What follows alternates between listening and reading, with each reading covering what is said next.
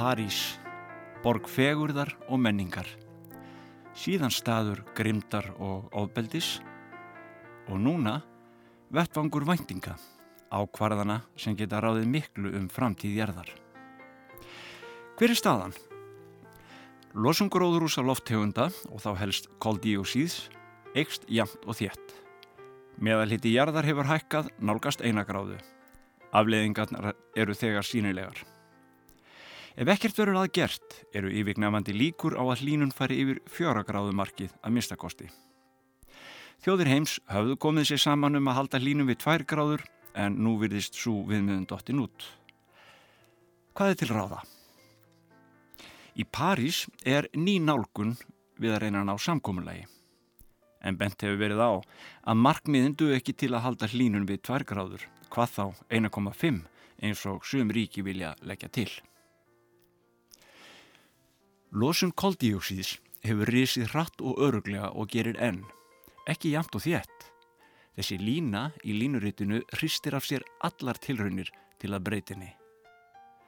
Samdráttur í losun á einstökum svæðum, tilkoma nýra orkugjafa og já, jafnvel töluverður samdráttur í losun vegna skóareiðingar síðasta áratugin. Áfram rýst þessi lína sem sínir losun heimsins. Auðvitað er það fræðilega mögulegt að án aðgerða væri vöxturinn orðin enn meiri en raunveruleikin er samt þessi. Við sjáum þess engin merki. Lofslagsvísindin eru korki nákvæmni án óvissu þátt og vísindamenn á því sviði væru senlega þeir fyrstu til að viðurkenna það. Við vitum ekki nákvæmlega hversu mikla hlínun framtíðar losun mun valda, hvernig veður og lífkerfi breðast við, hvenna náður þeim punkti að við tekur annar heimur en sá sem mannkinnið hefur þróast í hinga til. En við getum bara ekki lokað augunum og vonað að allt var á besta veg. Það þarf að finna lausnir og það er ekki patentlausnir. Það er ekki sársökarlausar lausnir, ekki ódýrar og ef það er ekki að virka fyrir allan heiminn þá þarf allur heimurinn að koma að þeim og allur heimurinn mun finna fyrir þeim. Spurningin er hversu alvarlegt þarf okkur að finnast að vandamáli vera til að réttlæta kostnað, fjárhagslegt tap, breytingar og lífsáttum. Í ávörpum sínum á Parísar ástefnunni lögðu að minnstakosti tveir leiðtóana áherslu á að komið hefði í ljós að það væri hægt að draga úr losun án þess að það hefði áhrif á hagvöxtin og Obama hafði reyndar bent á það áður í ávarpi í Alaska. So we know how to use less dirty fuel and grow our economy at the same time. Það er gott, en það er líka aðtiklisvert að þetta tvent skuli sett á vogarskálar, hagvöxtur og lofslagsbreytingar. Það sýnir að vissuleiti áherslu og forgangsröðun. Við erum tilbúin að draga úr losum gróðrúsaloftegunda meðan það hefur ekki áhrif á hagvöxtin. Þetta er dálítið eins og að segja ég er tilbúin að laga brensunar á bílnum eða kostar ekki um mikið. Hagvöxtur, þessi gullna mantra er viðmiðun stjórnvalda í flestum ríkjum, þó hafa margir orðið til að setja spurningamerki við að hversu langt svo mantra nær. Það er nefnilega hægt við því að ef hlínun fyrir yfir fjóra gráður þá höfum við um annað að hugsa en hver staða hagvastar er. Við eigum öll að vera orðin nokkuð vel upplýst um afleiðingar lofslagsbreytinga. Merkin eru allstaðar. Tínt hafi verið til mörg dæmi um öfgægi veðufari sem líklegra var að eittu sér stað vegna lofslagsbreytinga. En höfum við ekki séð full áhrif þess koldíósís sem við höfum nú þegar leikt út í andrumsloftið, miðar annars vegna þess eiginleika sjávar að varðveita hýta, þá getur það tekið áratugi áður en afleiðingarnar koma í ljós. Allt þetta er áhyggjuefni, en annað bæti síðan við, það sem á ennsku hefur verið kallað feedback áhrif. Að við einhverja ákveðna hækkun hýtastigs, við einhver mörg, fari af stað ferli þar sem gróðrúsa lofttegundir sem bundnar eru í jarðvegi og skógum sleppi lausar og flæði um andrumsloftið.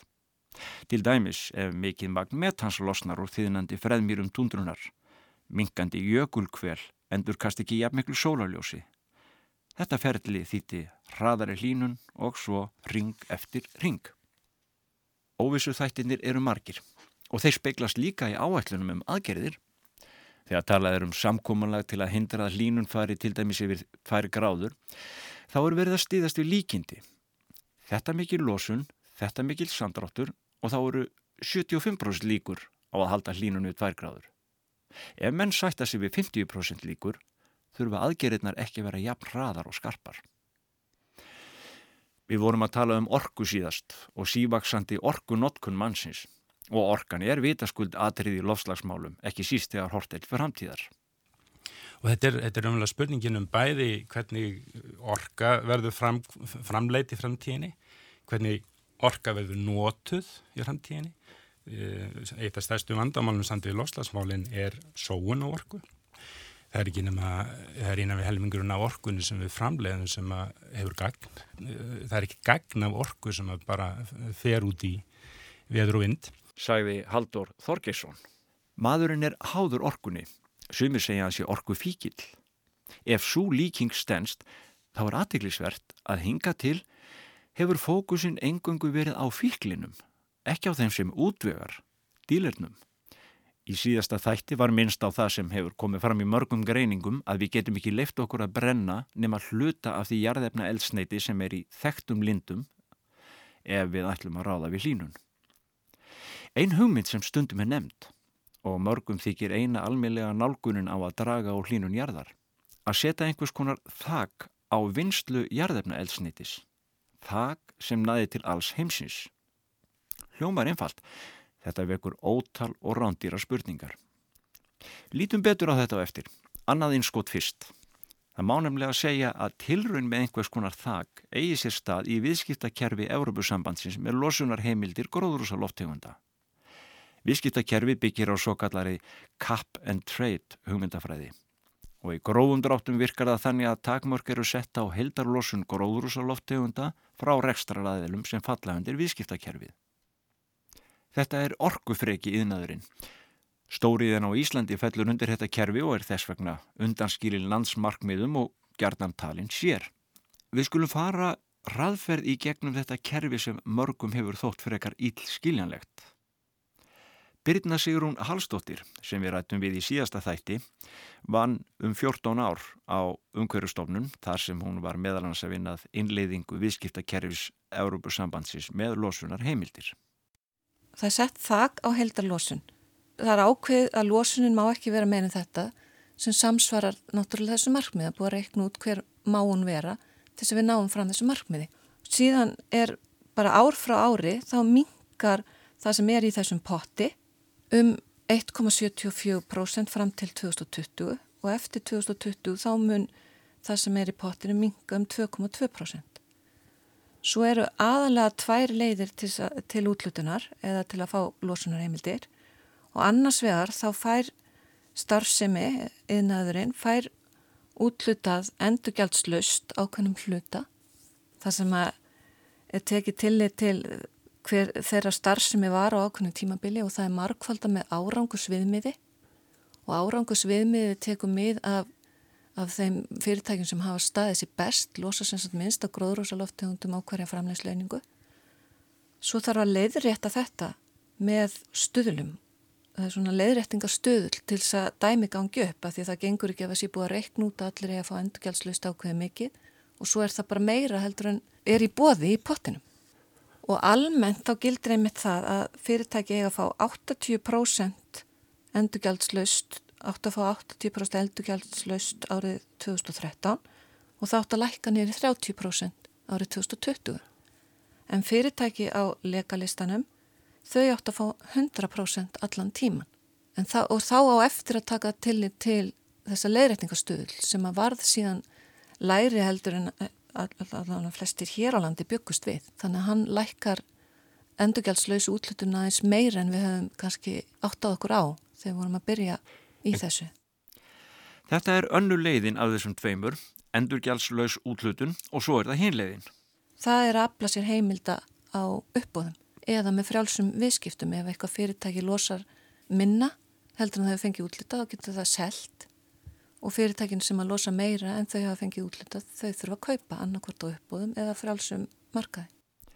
En hver ákveður hvað hvert fyrirtæki fær til dæmis álver á Íslandi?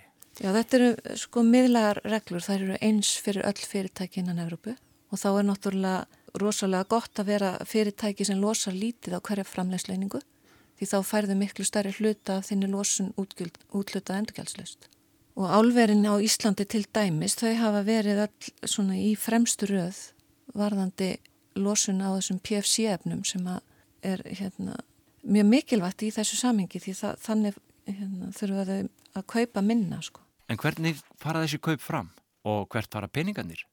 Sko fyrirtækin kaupa sér annarkort á uppbóðum eða af öðrum fyrirtækjum eða af einhverjum miðlurum og peningarnir fara náttúrulega, ef þeir kaupa uppbóði þá fara þeir í sjóð sem er svo deilt út á milli landana þannig að hvert land fær hlutdelt í uppbóðum og hlutdelt Íslands í uppbóðum áttið mitt að renna í lofslasjóð en mér skilst að enn sem komið er þá standi einhverju tæknilegir erfileikar í vegi fyrir því að Ísland og Norriður fái sína hlutdelt það er búið að vera að bjóða upp heimildir og við höfum ekki anþá fengið þá hlutdelt sem okkur ber.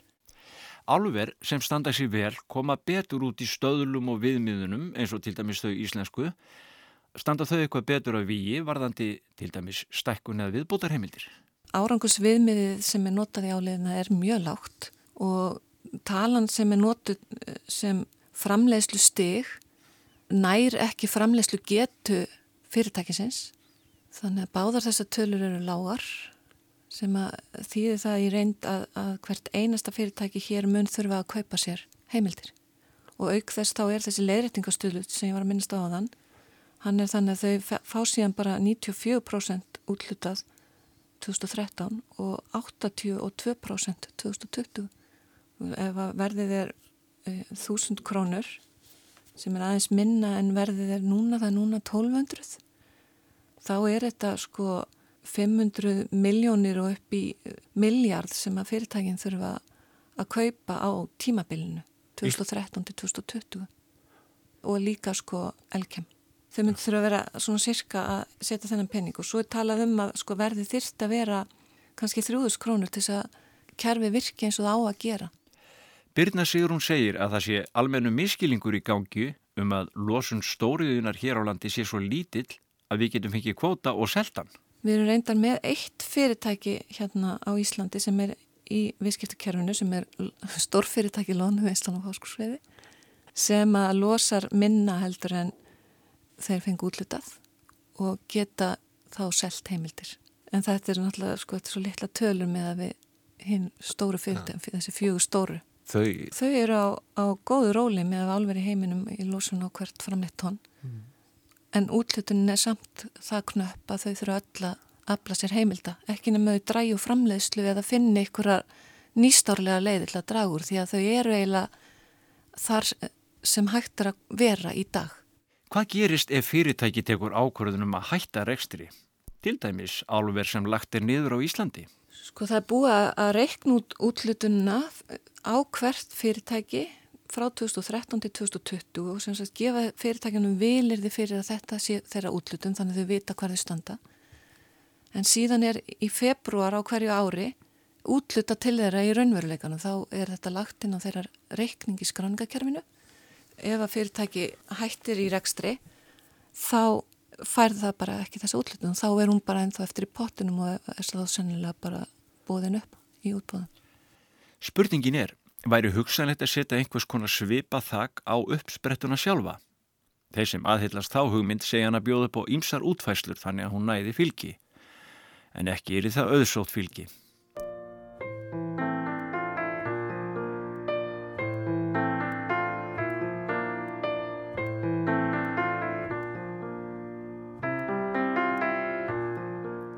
Allt það eldsneiti sem við brennum verður fyrst að sækja ofan í jörðina. En hvar eru þessar orkulindir og hver á þær? Er litið merkilegt að miða við hver fyrirferðað mikið jarðefna eldsneitið er í lofslagsumræðu, þá dúkar þetta sjaldan upp. Eftir því sem ég skilst er ekkert mjög aðgengilegar upplýsingar um þetta atriði hvernig það skiptist á lönd. Þó hefur verið tekið saman listi eftir fáanlegum upplýsingum sem sínir þetta í gróðum dráttum. Og það vekur aðtikli þegar hann er skoðaður að þau lönd sem ráða yfir mestu óljulindunum eru þau lönd sem hafa verið hvað tregust í taumi í lofslagsviðræðum. Og svipaða línum á síðan sjá hjá þeim sem búa ekki við neinum teljandi óljöðulundum. Þau ríki hafa sóst hvað mest eftir alþjóðlegu samkómulegi. Þetta er alls saman pælingar sem verður að hafa í huga þegar skoðaðar eru hugmyndur um að setja þak á oljuvinnslu. Það myndir nefnilega þýða að einhver tapar. Svo má líka velta fyrir sér. Hverjir eru henni raunverulegu eigendur? Það geta verið almennir borgarar. Líferisjóðir eru til dæmis fyrirferðað miklu fjárfestar í oljufélögum. En þess verður ekki vart að þessi hugmynd sé mikið rætt á ráðstefnum ríkjána. En hins vegar sjást þess æfleiri merki að ýmsir fjárfestar ekki síst lífeyrissjóðir, eru farnir að færa hlutafér sitt úr óljögeranum. Og núna í París hefur komið berlegi ljós að borgir, svæði og fyrirtæki eru afdráttalösari í afstöðu sinni um að draga úr losun en ríkin. Allt hefur þetta áhrif. Ísland getur líka haft áhrif. Hvað er það sem Ísland fór með í farteskinu til Parísar? Landsmarkmið Íslands er að verða samferða ríkum Európusambandsins í að draga úr losunum 40% fyrir 2030. Hvað felur það í sér? Við vitum það ekki nákvæmlega enþá. Sóknar áallun Íslands hefur fengið sömu gaggrínu og margar aðrar aðgerðar áallanir annar staðar. Það vantar meira tölulegum markmiðum og nákvæmari tímasetningum. En þetta er þó sóknar áallun. Nánari útvæslaði bóðuð á næsta ári og það verður spennandi að sjá hver hún verður. Í sjávarútvegi er ætlunum að gera nokkuð stóra hluti. Sigriður Ragnar Sveristóttir er frangvandastjóri Hafsins öndvegi setus sem vinnur að vegvísi fyrir sjávarútvegin í sóknaráallun. Það eru fjölmörg tækifæri í sjávarútvegi til þess að, að draga úr losun og mikið hefur náttúrulega unnist og af því að við erum nú að horfa til þess að að, að viðmiðunar árið er 1990 þá hefur nú þegar mikið þróun orðið í sjáaröldau í Íslandi það er mikil hægraðing og, og, og tölvört verið að koma til landsins að nýjum skipum sem bæði eru búin þannig búnaði að þau, þau valda minni útblæstri og eins hafa hefur eitt nýtt skip verið að koma í stað tveggja eldri skipa þannig að það er, það er verið að sækja sama afla með með minni ólíbruna uh, heldur en aða var gert. Eitt þeirra þáttar sem hortir til er að skipið bryggju þurfi ekki að vera með vélarnar, mallandi og ólíu heldur getið tengt sér við ramagn með bryggjuna. Það er mikið sóknarfæri í, í því að, að landtengja öll skip sem líkja höfnum á Íslandi. Það er nú þegar hægt sérstaklega fyrir minni skip og, og kannski þegar orgu þurfi verið minni. Eh, en þarna getum við heldur betur eh, sótt okkur eh, samdrátt í útblæstri. Með því að skaffa og þá þarf að ebla náttúrulega landsnetið eða, eða orkunetið. Þannig að hægt sé að skaffa næga spennu og næga orku til allra þessara hafna. Það er, er margskonar þróun í gangi og bæði með, með vélarnar sjálfar og orku nýtni þeirra og og eins með eldsneiti og menn er að skoða uh, lausnir, hvað var það batteri, það er geysilega mikil þróun uh, hvað það var þar. Það er annars konar eldsneiti, vissnett eldsneiti fyrir skip og þá eru menn náttúrulega að vinna bæði með, með lífdísel en einnig með metanól. Spurningin er, dugar þetta til að draga úr losunni sjáurútvegi um 40%? Ég myndi halda það svona gróft reiknaðan þess að ég ætla að uh, draga það upp á punkt og prigg akkurat í dag mm. en, en svona út frá grófreikningum og, og þeim breytingum og tæknithróun sem við sjáum fyrir okkur á næstu 15 árum ef að markmiðin eru sett til þess þá myndi ég halda þetta væri algjörlega raunhaf markmið og, og okkur væri alveg fært að ná þeim en ég held að það sé mjög mikilvægt að við horfum á þessi mál eh, mjög, á mjög breyðum grunni og við skoðum þetta út frá samfélaginu sem heild og við tökumst á, þetta, á við þessi mál eh, sem samfélag. Mm. Það er náttúrulega þannig að, að eh, ef að við leysum eitt vanda þá fáum við kannski aðra lausnir í, í, í kaupæti ef að svo má árið komast. Það er eins og ef að, ef að þessi rafvæðing færi alla leið og það væri hægt að ebla netu um landallt þá erum við að tala um aukið orkuöryggi fyrir landið, við erum að tala um, um mögulega orku sem gæti gæti stutt við hlæslukerfi uh, fyrir rafbíla um land allt. Við erum að tala um að þessar lausnir þær geta, geta stutt miklu fleira út í samfélaginu heldur en að leysa bara eitt tiltekinn vanda.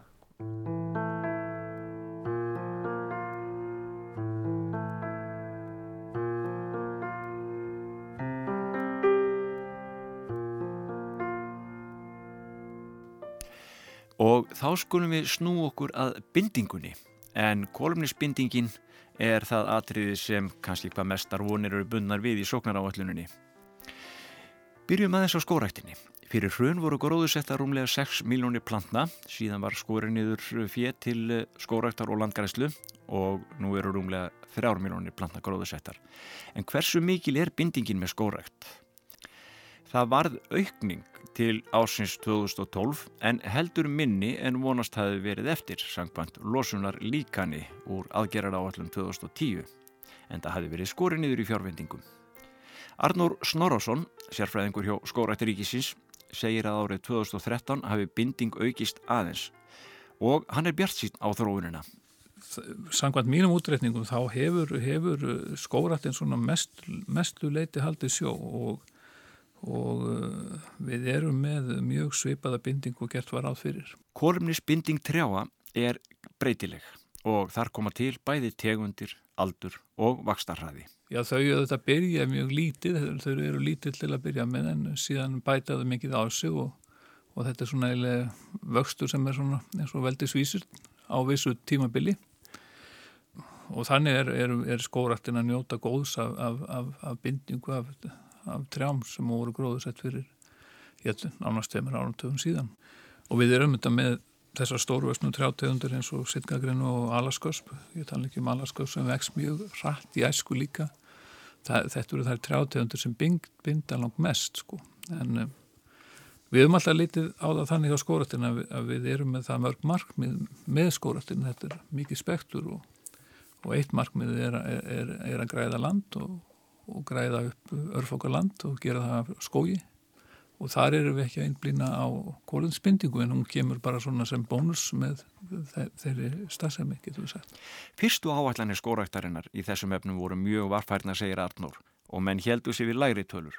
En hvað með nýri áallanir og bindingu? Þessar áallanir eru í skórutin alltaf að verða betri og betri og til dæmis þessi nýjasta áallun sem verður nú líklega nótuð í nýri svona matskíslu á, á möguleikum til bæði kólefnis, bindingar og minkunar á losun kólefnis að um, þar, er, þar er, er tekið líka tillit til þess sem við, við komum til með að taka úr skójunu þannig við er tekinu úr skójinu og hún hefur þetta hefur áhrif á bindinguna sem ásist að í skójinum en síðan er það bara spurningum hvað gerum við við timbrið sem við tökum úr skójinum kólefni sem við bindum í viðnum sem verður notaður í einhverjum ferlum er það að koma í staði fyrir jarðarnakólefni.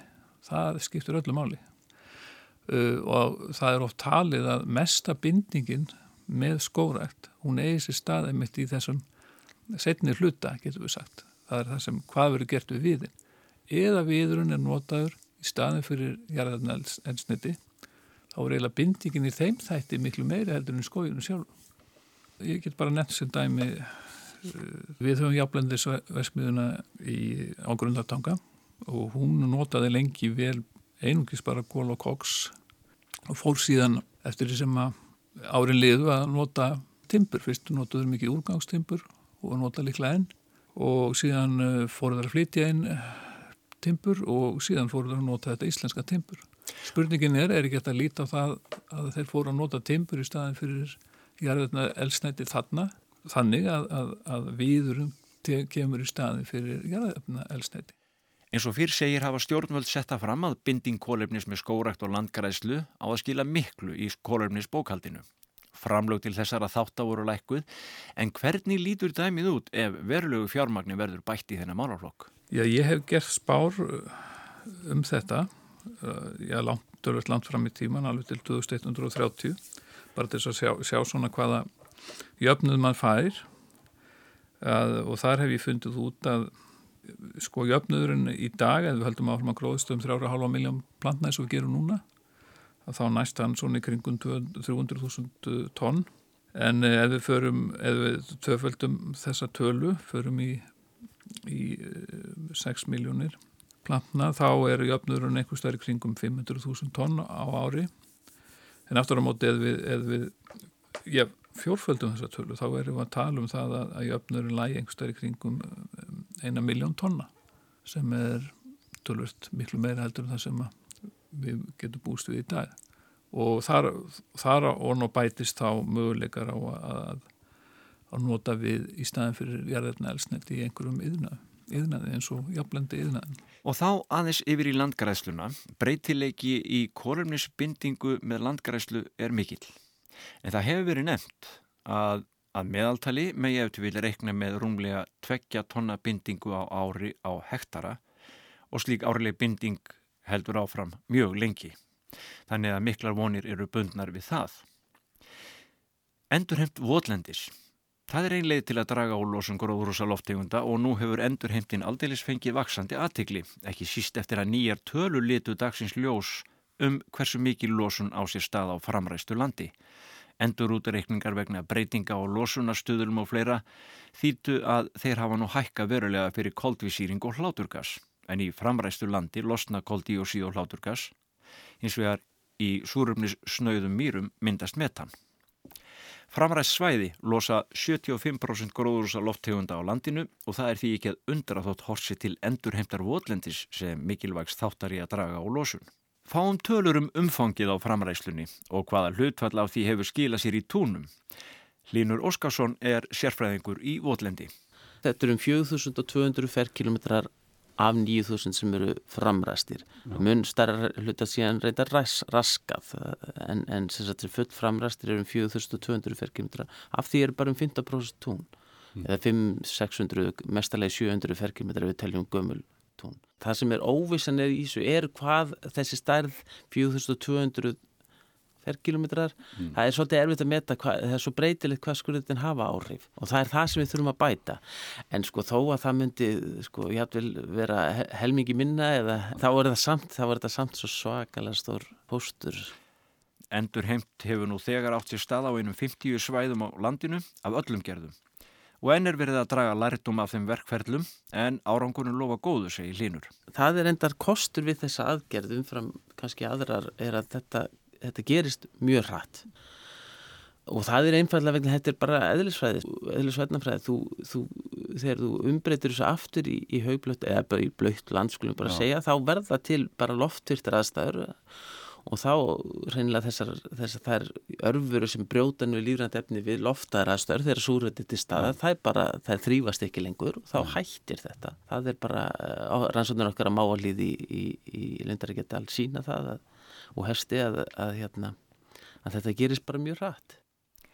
Metan myndast í súröfnis snöyðum mýrum og sumir veltaði fyrir sér hvort endurheimtinni fylg ekki aukin losun metangas. Sko, mýrar það reynda breytilt að milli mýlenda en það losa metan sem er gróðurslófthund líka og þess vegna vildur hann oft verða flóki fyrir fólk að skilja þetta en við framræsluna þá verður allt, allt þetta lífræn efni sem er í mórnum þetta verður allt aðgengilegt í lífverunum, niðurbróðsörverunum, það er upphægst bara reynilega hægur brunni.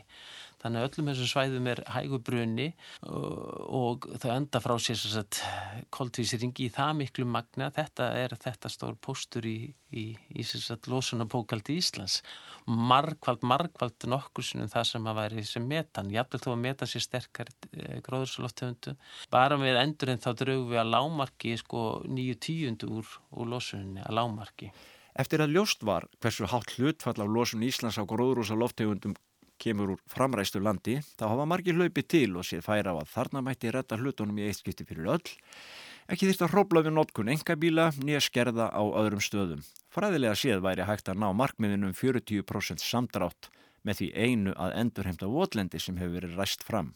Hlini líst ekki vel á þá hugmynd. Ég, ég held að það væri nú ekki skynsalegt. Ég held að sko, við höfum ákveði bókald, við skilum gögnum til loftlarsamlissi. Það er í sex uh, flokkum, samgöngur og yðnaður og, og úrgangur, landbúna og landinting. Uh, mér finnst að við eigum að setja okkur raunhaf heiðarlega markmið í öllum þessum flokkum og vinna að þeim. Annað finnst mér ekki, ekki já, skynsanlegt. En, en vissulega getur endurend votlendis uh, skilað miklu þar það er alveg augljóst. Eh, sko það er hægt að gera heil mikið að þess að koma nokkur nálat matalaframlistu við þurfum ekkert að, að, að, að sko við getum þess vegna endur en tugsa ég þúsund fer kilómetra að þess að nokkuð hafa nokkur áhrif á, á matalaframlistu í landinu.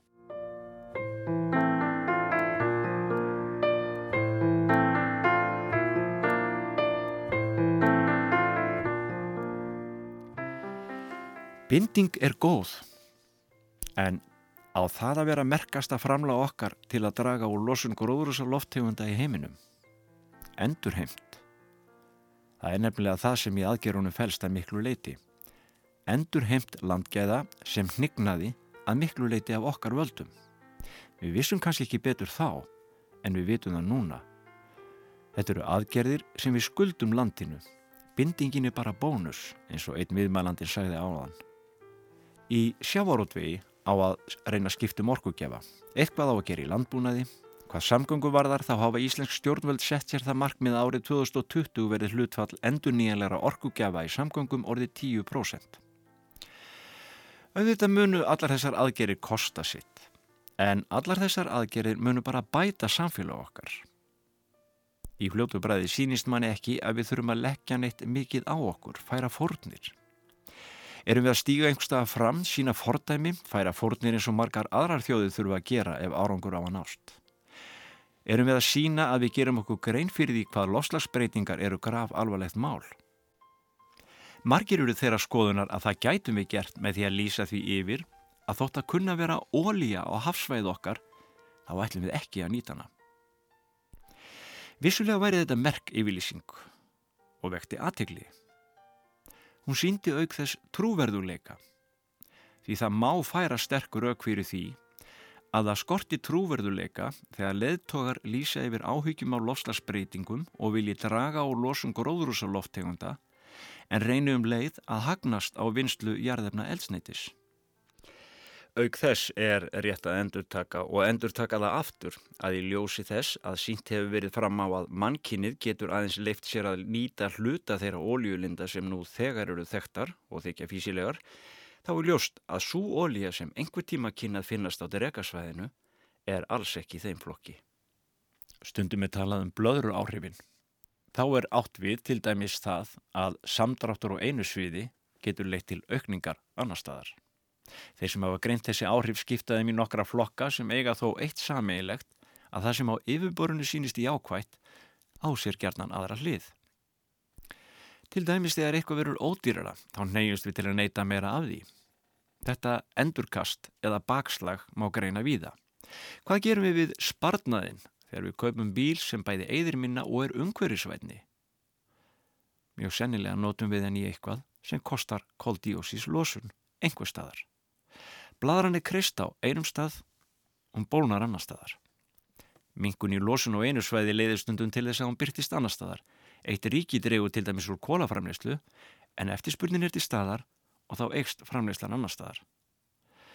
Þess vegna virkar ekki hugmyndin sem minnst var á hér og undan um að setja einhvers konar þak á framleysluna nema öll ríki heimsins taki þátt. Yfir til Parísar. Óleist mál í París eru gamal kunnug þróunaríki og einríki takast á um ábyrð, losun og fjármál. Losun þróunaríkja hefur vaksið og mun sennilega halda áfram að vaksa. Í korumnisbókaldi heimsins verður súlósun skrifuð á þau ríki. En það má spyrja hver ber ábyrð á þeirri losun? Í dag er stór hluti neysluvara í ríkari löndum framleitur í mitt í þróunarlöndum eða þeim sem voru skilgreyndar. Það hefur verið bent að þá hugmynd að hugsanlega ætti að skrifast eitthvað þessari losun á neytendaríkin frekar en framleysluríkin. Margir telja að neyslusporið ætti að vera meira áberandi í umræðum á lofslagsrástefnum.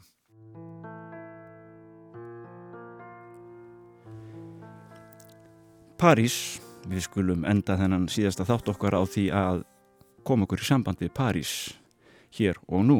Bergljót Baldurstóttir fréttamæður hefur verið að flytja okkur fréttir þaðan og hún er á línunni. Kondur sæl Bergljót. Sælvertu. Eh, er, eh, þetta er mikil ráðstefna og uh, það er mikil um að vera þarna og hlýtur að vera pínlítið erfitt að átta sig á aðaladriðum og aukaadriðum.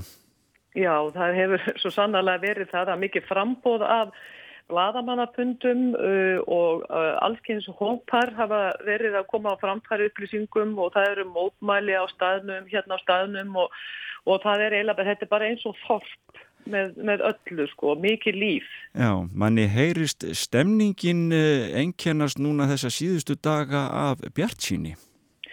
Já, ég myndi segja að það væri eitt helsta einkenni þegar þú talar við fólk, eða sama hverju það eru, að þá er þessi talaður um að þetta, það sé eitthvað merkilegt að gerast. Þarna, þarna séu að ná saman öll ríki heims um eitthvað og það er doldið ríkjandi stemming og, og hefur, hefur magnast upp og, og, og kannski er það líka það að sko, samningamenn eru lokaðir inni og stjórnmálamennir, við, við hittum þá svo sem ekkert mikið svo koma þeir fram og segja okkur að, að, að þetta hafi gengið svona og svona og, og bjart sínin er mikil og þeir sem maður talar við það, já, það, þetta er svona yfirkan æfandi stemmingina. Já, eh, sumir þróunar sérfræðingar segja að bjart sínin sé í genunum á okkur og öðruvísi hefðum við ekki haft þetta afallt saman en eh, það sem eru verið heyrt af jákvæðum punktum sem hafa komið út úr þessu hinga til.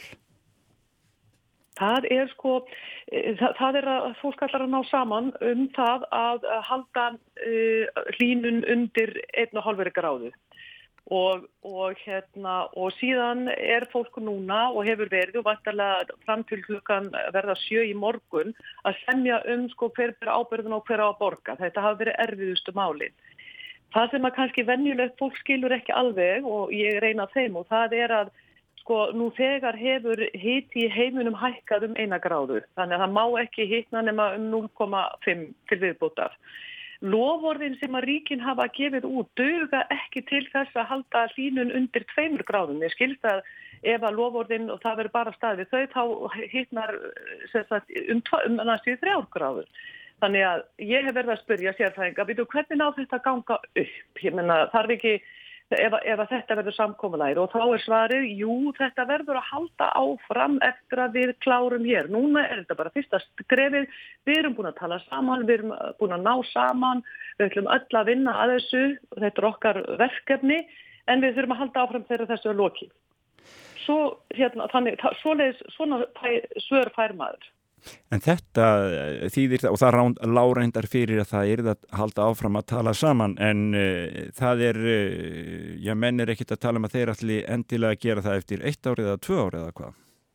Nei, svo er hérna, svo vakti aðtikli, það hefur vakið aðtikli að uh, nokkur að, stór hópur ríki hefur tekið sér saman og gefið út yfirlýsingum að, að þau ætla að standa saman og hafa markmið að ná langt í þessu.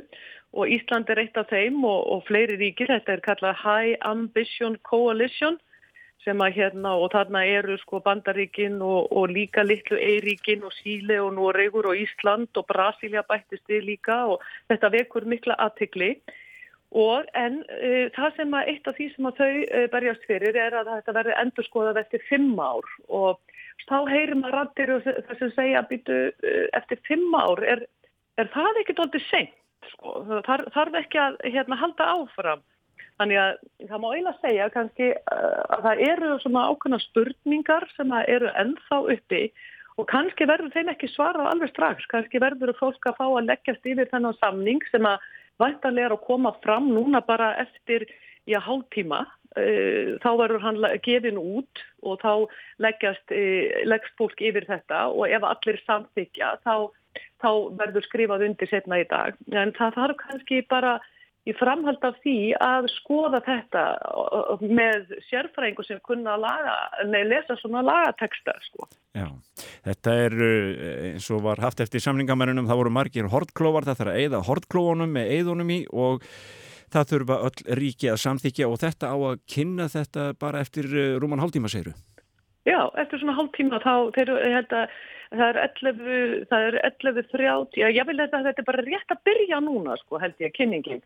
Þannig að, hérna, já, já, allavega, já, það er, það er bara stýttist í það allavega. Já, en umræðan og eftir að halda áfram Bergljóð Baldurstóttir, við leipum þér á alla þá blagamannafundi sem býða. Þakka þið fyrir. Takk.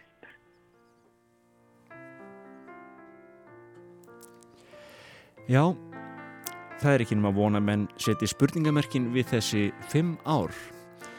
Því að eins og við höfum verið að fjallum hér í þessum þáttum þá er eh, erfitt að ná að halda hlínu við 2 gráður.